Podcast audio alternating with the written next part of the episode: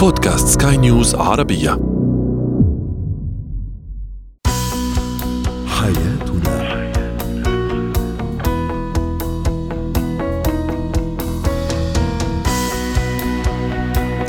مستمعينا الكرام أهلا بكم. معنا إلى حياتنا فضاؤكم اليومي الذي يعنى بشؤون الأسرة وباقي الشؤون الحياتية الأخرى والذي يمكنكم الاستماع إليه عبر منصة سكاي نيوز ارابيا dot com slash podcast وباقي منصات سكاي نيوز العربية الأخرى. شاركونا أيضا عبر رقمي الواتساب صفر صفر تسعة سبعة واحد خمسة ستة واحد ثمانية ثمانية ستة اثنان اثنان ثلاثة. معي أنا أمال شاب. اليوم نتحدث عن الأمانة المالية بين الزوجين أو المصارحة أيضا المالية بين الزوجين. كيف أعاقب أو ما هو العمر المناسب لأعاقب طفلي؟ وأخيرا كيف أكون شخصية قيادية قوية في العمل؟ حياتنا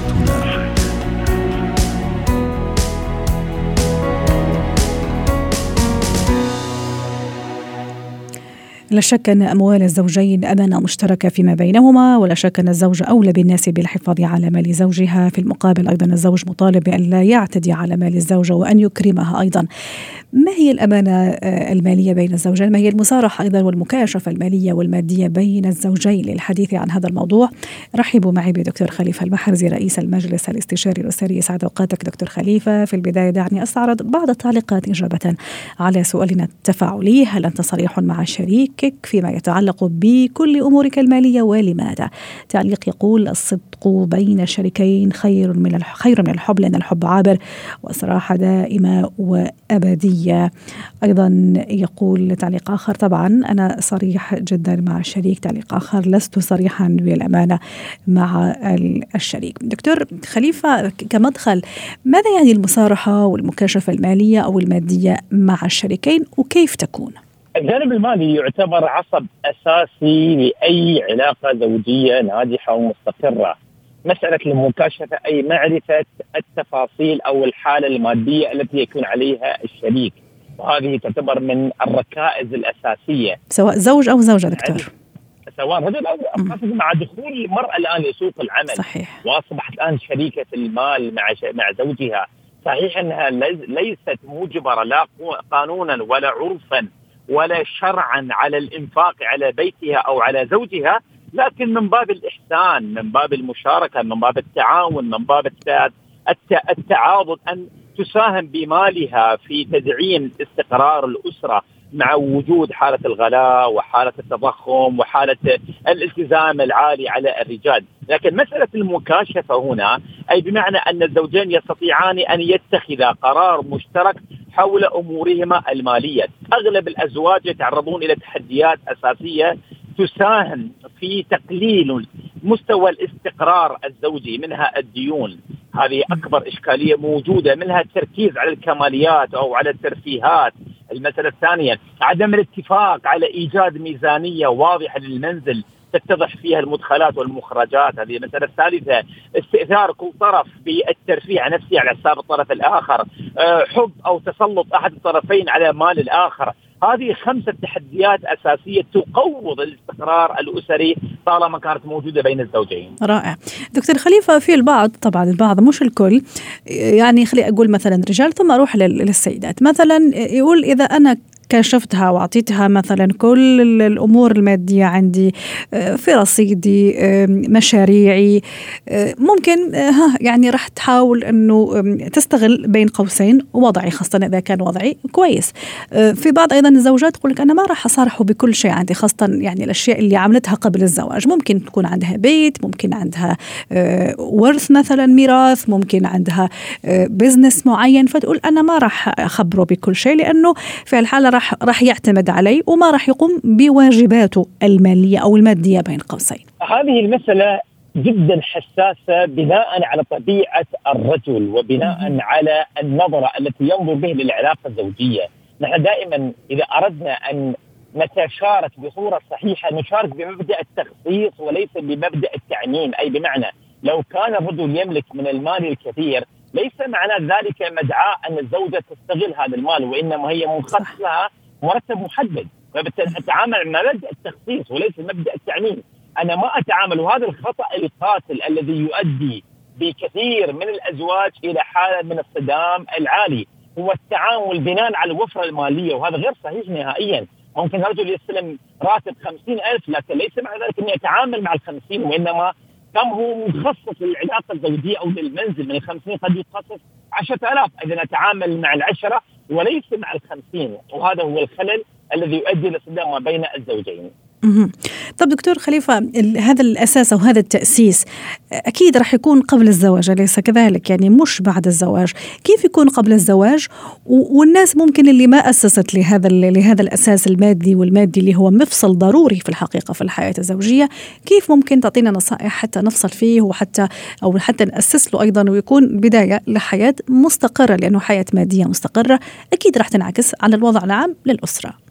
أول مسألة من أكبر الأخطاء القاتلة التي يلجأ اليه كثير من الشباب هو الدخول في إنشاء علاقة زوجية عن طريق الديون وهذا خطأ جدا قاتل. من استطاع منكم الباءة فليتزوج. وقال الفقهاء الباءة هي القدرة المالية والقدره على إقامة العلاقة الزوجية. هذه المسألة الأولى، المسألة الثانية عدم الاعتداد بمن حولنا من الأزواج. كما قالت فلانة بإنشاء أو آه، تأسيس علاقة زوجية قائمة على مبلغ عالي جدا أو قامت مثلا بصرف مبالغ كبيرة جدا في هذا الزواج تجاوز مثلا ال ألف درهم أين أتعامل بناء على القدرة المالية الأساسية اللي أنا أتمتع بها كرجل أو كامرأة.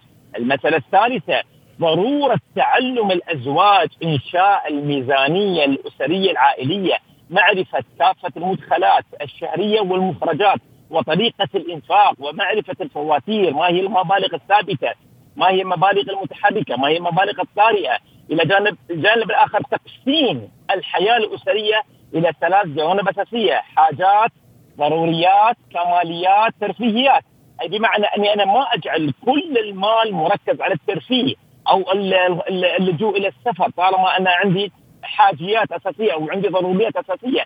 معرفة توزيع المادة ما بين الرجل والمرأة بطريقة الإنفاق وليس هو الانجرار بس مجرد أني أنا والله أرى فلان قد أنشأ علاقة زوجية قائمة على وفرة مالية أنا لازم إني أقوم بتقييد هذا الإنسان، هذه الأخطاء القاتلة وعدم معرفة الميزانية الشهرية وعدم العيش بنوع من الترشيد المالي أدى إلى كثير من الخلافات والصدمات ما بين الأزواج ما بعد فترة الزواج.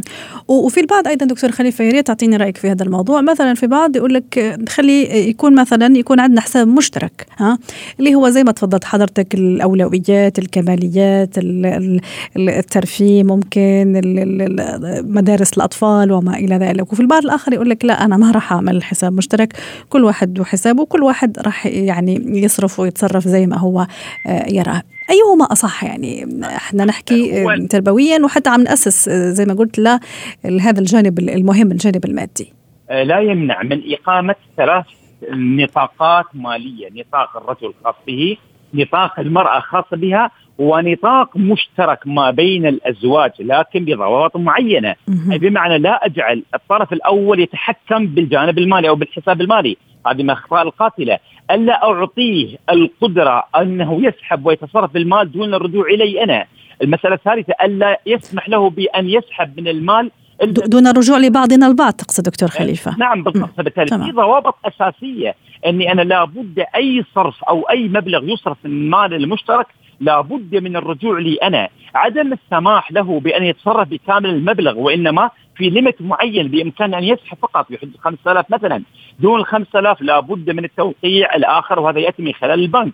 إيجاد نوع من المسجات للحركه المالية لكل طرف من الطرفين أي حساب أو أي حركة على هذا المبلغ على طول يختار به الطرف الآخر. هذه الضوابط تساعد الزوجان على تنمية المشاريع المشتركة ما بينهما وتدعم أيضا علاقتهم الزوجية بصورة جدا جيدة. ودائما حتى نختم دكتور خليفة على خير اليوم ونودعك في, في نفس الإطار، أه تشوف إنه ضروري مثلا إذا الزوج خلينا نقول اعطي مثال، الزوج مثلا أه بده يعمل مشروع صغير مثلا عدا أه عمله أو عدا وظيفته أو عدا مشروع اللي موجود عنده مثلا ممكن بده يروح للبنك ليقترض، نفس الشيء بالنسبة للزوجة، ضروري أو مهم جدا إنه نصارح بعض في هذا في هذا النقطة. آه، هذه من المسائل التي يجب أن تكشف ما بين الطرفين لمعرفة الوضع المالي لكل لأن أحيانا تكتشف الزوجة يعني بعد سنة أو سنتين الزوج مديون لبنك مثلا وهي مش عارفة يعني شو عم يصير بالضبط. هذه من المسائل الخاطئة. السرية في هذه المسائل له نتائج جدا سلبية على الطرفين. ولا تساعد الزوجان على الاستقرار الزوجي وإنما تعطي المزيد من الخلاف أو الاحتقان.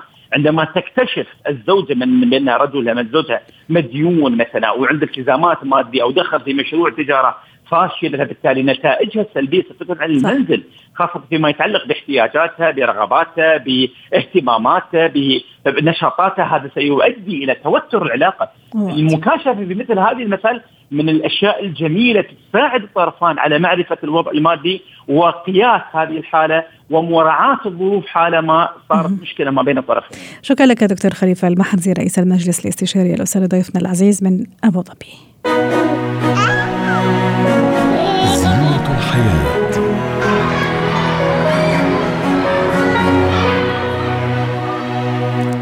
اليوم سنتحدث عن العمر المناسب أعاقب طفلي. طبعا العقاب التربوي راح نحكي على نوع العقاب. للحديث عن هذا الموضوع رحبوا معي بدكتورة بثينة عبد الرؤوف الخبيرة التربوية ضيفتنا العزيزة من القاهرة. يسعد أوقاتك يا دكتورة بثينة وكل عام وأنت بخير من زمان ما سمعنا صوتك. اليوم راح نتحدث عن العقاب لكن التربوي طبعا ها راح تفسرينا بعدين ما هو نوع هذا العقاب. أحيانا نشوف أم ممكن عندها ابنها أو عمره سنتين أو سنة ونص ممكن يعمل أي شيء آه، ممكن يكسر شيء ممكن يعني يعمل أي شيء يعني يعني آه، مش كويس في البيت ممكن تصرخ عليه ممكن حتى تضربه ممكن حتى ضرب يعني آه، منه ضرب الخفيف يعني ضرب ضرب يعني يعني صراحة يعني ضرب غير لائق. آه، ما هو العمر المناسب حتى أعاقب طفلي عقابا تربويا؟ وشدد على عقاب تربوي.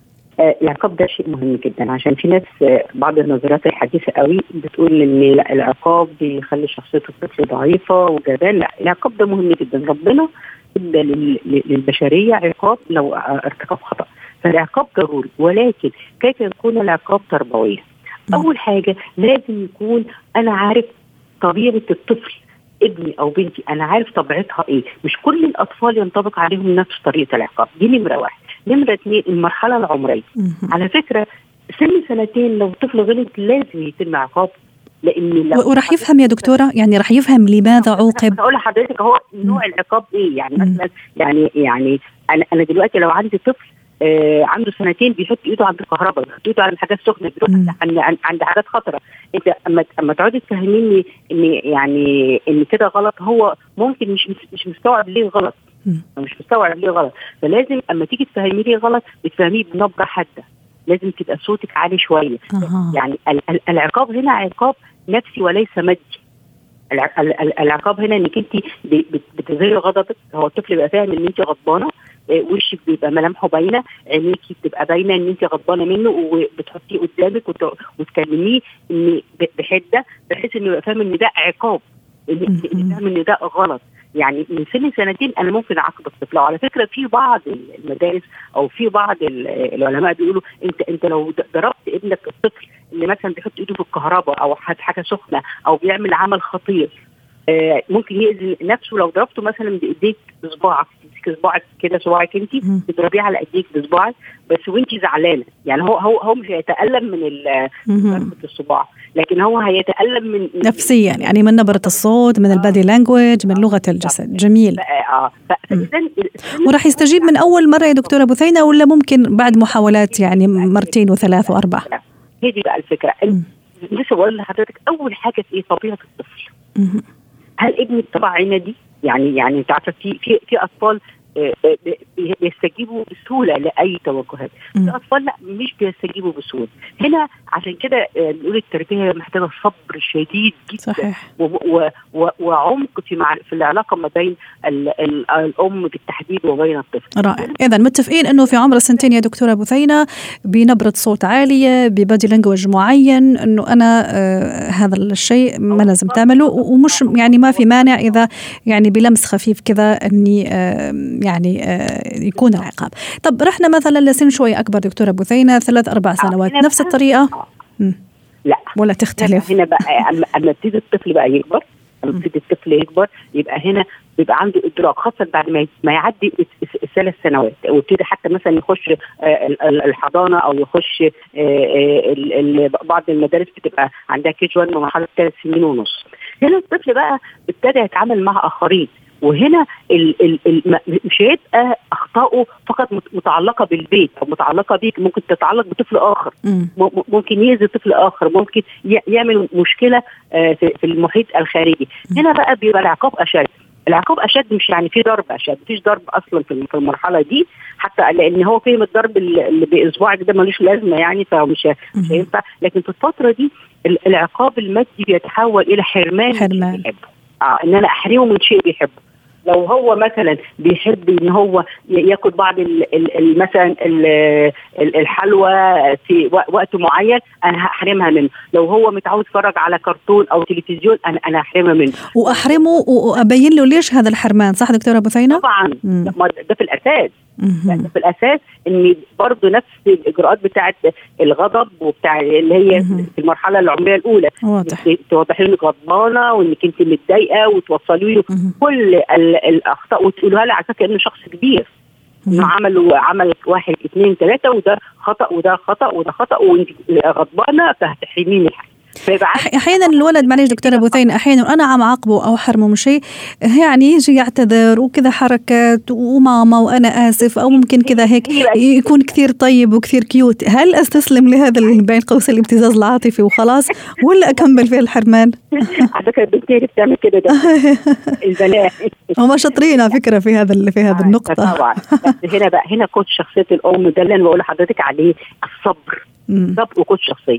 لو أنا محددة إن أنا هحرمه مثلا ما ياكلش حاجة أو ما يخرجش الخروجة دي الآن يبقى مهما تم اعتذار أنا فعلا مش مش مش اعمل لا لكن أنا ممكن أقلل مثلا أقلل الفترة مثلا. أو أو ممكن مثلا لو هيخرج النهارده هخليه يخرج آه، مثلا بعد ثلاث أربع ساعات. المهم يبقى العقاب لازم يبقى فاهم إن العقاب تم تنفيذه. يعني المهم ما يكسرش الكلام بين قوسين يعني.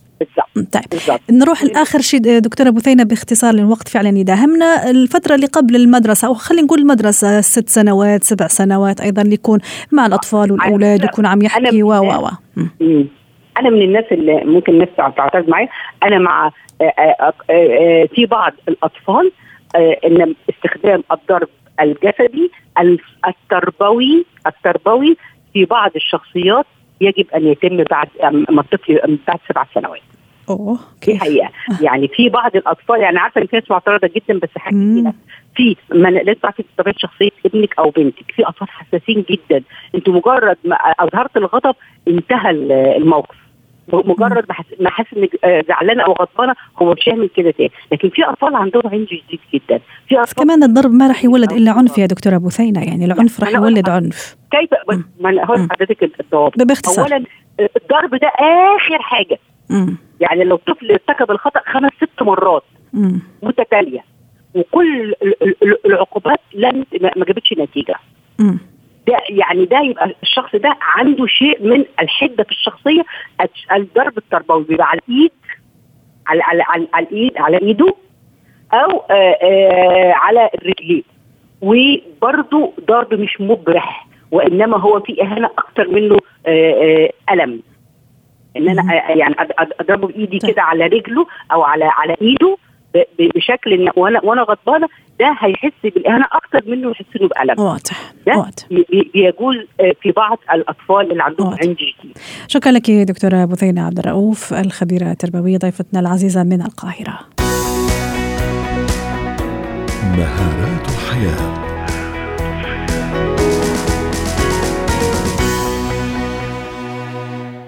كيف أكون شخصية قيادية قوية في العمل؟ للحديث عن هذا الموضوع أرحب معي بتينا جروس مدربة مهارة الحياة ضيفتنا العزيزة من بيروت يسعد أوقاتك أستاذة تينا معروفة على صفات القيادة اللي هي الحزم والقدرة على التكيف والذكاء آه، ويعني ومجموعة كذا صفات. كيف أكون أنا شخصية قيادية وقوية في عملي؟ مرحبا. أكيد الدور القيادي هو كثير مهم بأي شركة أو بأي مؤسسة آه، في تحتها فريق.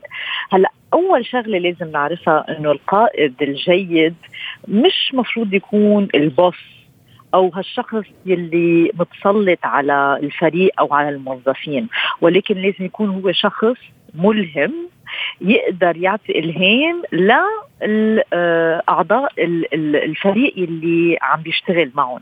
فهون أول شيء القائد ما بده يفكر حاله إنه هو فوق الموظفين أو فوق هالفريق ولكن على نفس المستوى.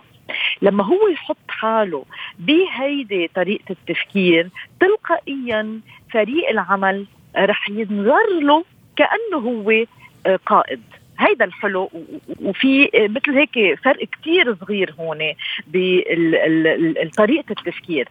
آه، شغلة تانية أهم شيء إنه القائد يعرف هالفريق العمل عم يشتغل معه. شو يعني؟ يعني يتعرف على كل هالأعضاء، يصير في تواصل، يصير في كوميونيكيشن من خلال أحاديث، بده يعطي وقت لكل موظف تيكتشف شو قدراتهم، شو نقطة ضعفهم، شو نقطة قوتهم، تيكتشف هالأشخاص وين هن بيقدروا يعطوا ووين هن مقصرين تيقدر يغذي لهم المهارات تبعولهم ويعمل استثمار بهالأشخاص يلي هن بالنهاية رح يوصلوا للإنتاجية العالية لهالمؤسسة أو الشركة استاذتينا اسمحي لي بس أفتح قوس هنا معك أه، أنا أيضا كنت يعني كنت أقصد إنه مو شرط إني أنا أكون رئيسة فريق أو رئيسة قسم حتى تكون شخصيتي قيادية وقوية في العمل ولا؟ مش ضروري لا مش ضروري. فيك تكوني أنت آه، آه، موظف أو أو عضو بهالفريق تمام. ولكن عندك شخصية آه، قيادية. وشو يعني يكون واحد يكون عنده هال ال leadership skills كيف يكون قائد صحيح؟ اولا القائد بده يعرف ياخذ قرارات. فهون ما في الواحد يكون عنده شكوك بهيك مواضيع. فبده يكون صاحب قرار بده يكون صاحب ياخذ مبادرة يعرف ياخذ مبادرة هو مع فريق الشغل اللي عم يشتغل معه. آه، يكون موجود لمساعدة الآخرين. يعني أنت بدك تكوني قادرة تشاركي مهاراتك وتشاركي معلوماتك رائع. مع الآخرين. ما تكوني بخيلة. مش إنه لأنه أنا شاطرة بهذا المجال ما رح ساعد غيري. ما رح اعلمهم أنا آه، معلوماتي. لأنه بالنهاية رح تصيري عم تشتغلي لوحدك وما راح تكوني بدور قائد بهال بهالنطاق العمل اللي عم تعمليه. آه كمان شغلة بتميز القائد عن غيره هو إنه بيكون حاطط خريطة عمل في رود ماب لوين بدك توصلي بشغلك؟ شو هن أهدافك؟ فبيكون انت بتكوني أنت مثال أعلى للآخرين إنه أنا عندي خطة عمل وعم بشتغل على أساسها وحاطة هالخطوات الصغيرة تقدر آه اوصلها آه رائع. كمان مثل ما قلت إنه قد إيه التواصل شيء كثير مهم الكوميونيكيشن مشكله بدها تنحل إذا في آه، كهرباء في شيء مش في تجنج بين شخصين كيف بدنا نحل هالمشاكل؟ فهون كله من خلال التواصل الواحد بيقدر يوصل لحلول وبيقدر يوصل بالنهاية لإنتاجية عالية بيصير في نمو.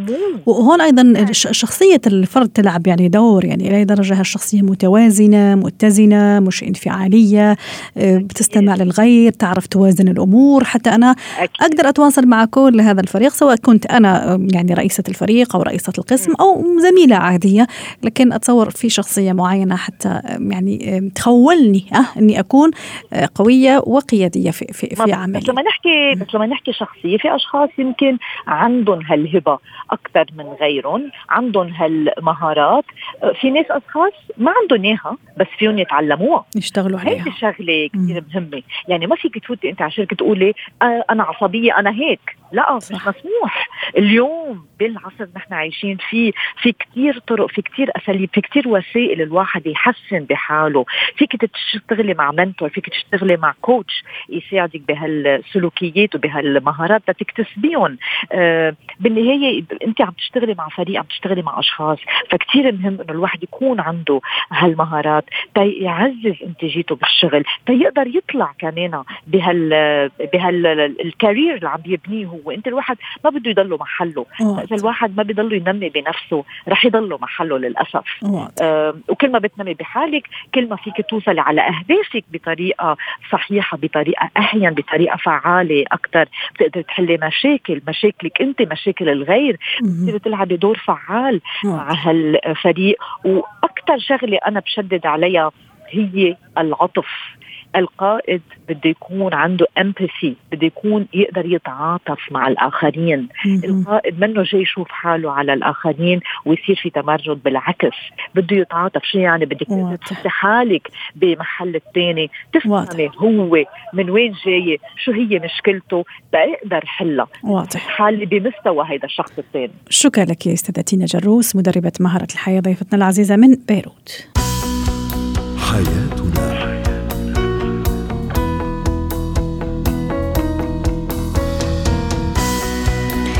ختام حلقة اليوم من حياتنا. شكرا لكم وإلى اللقاء.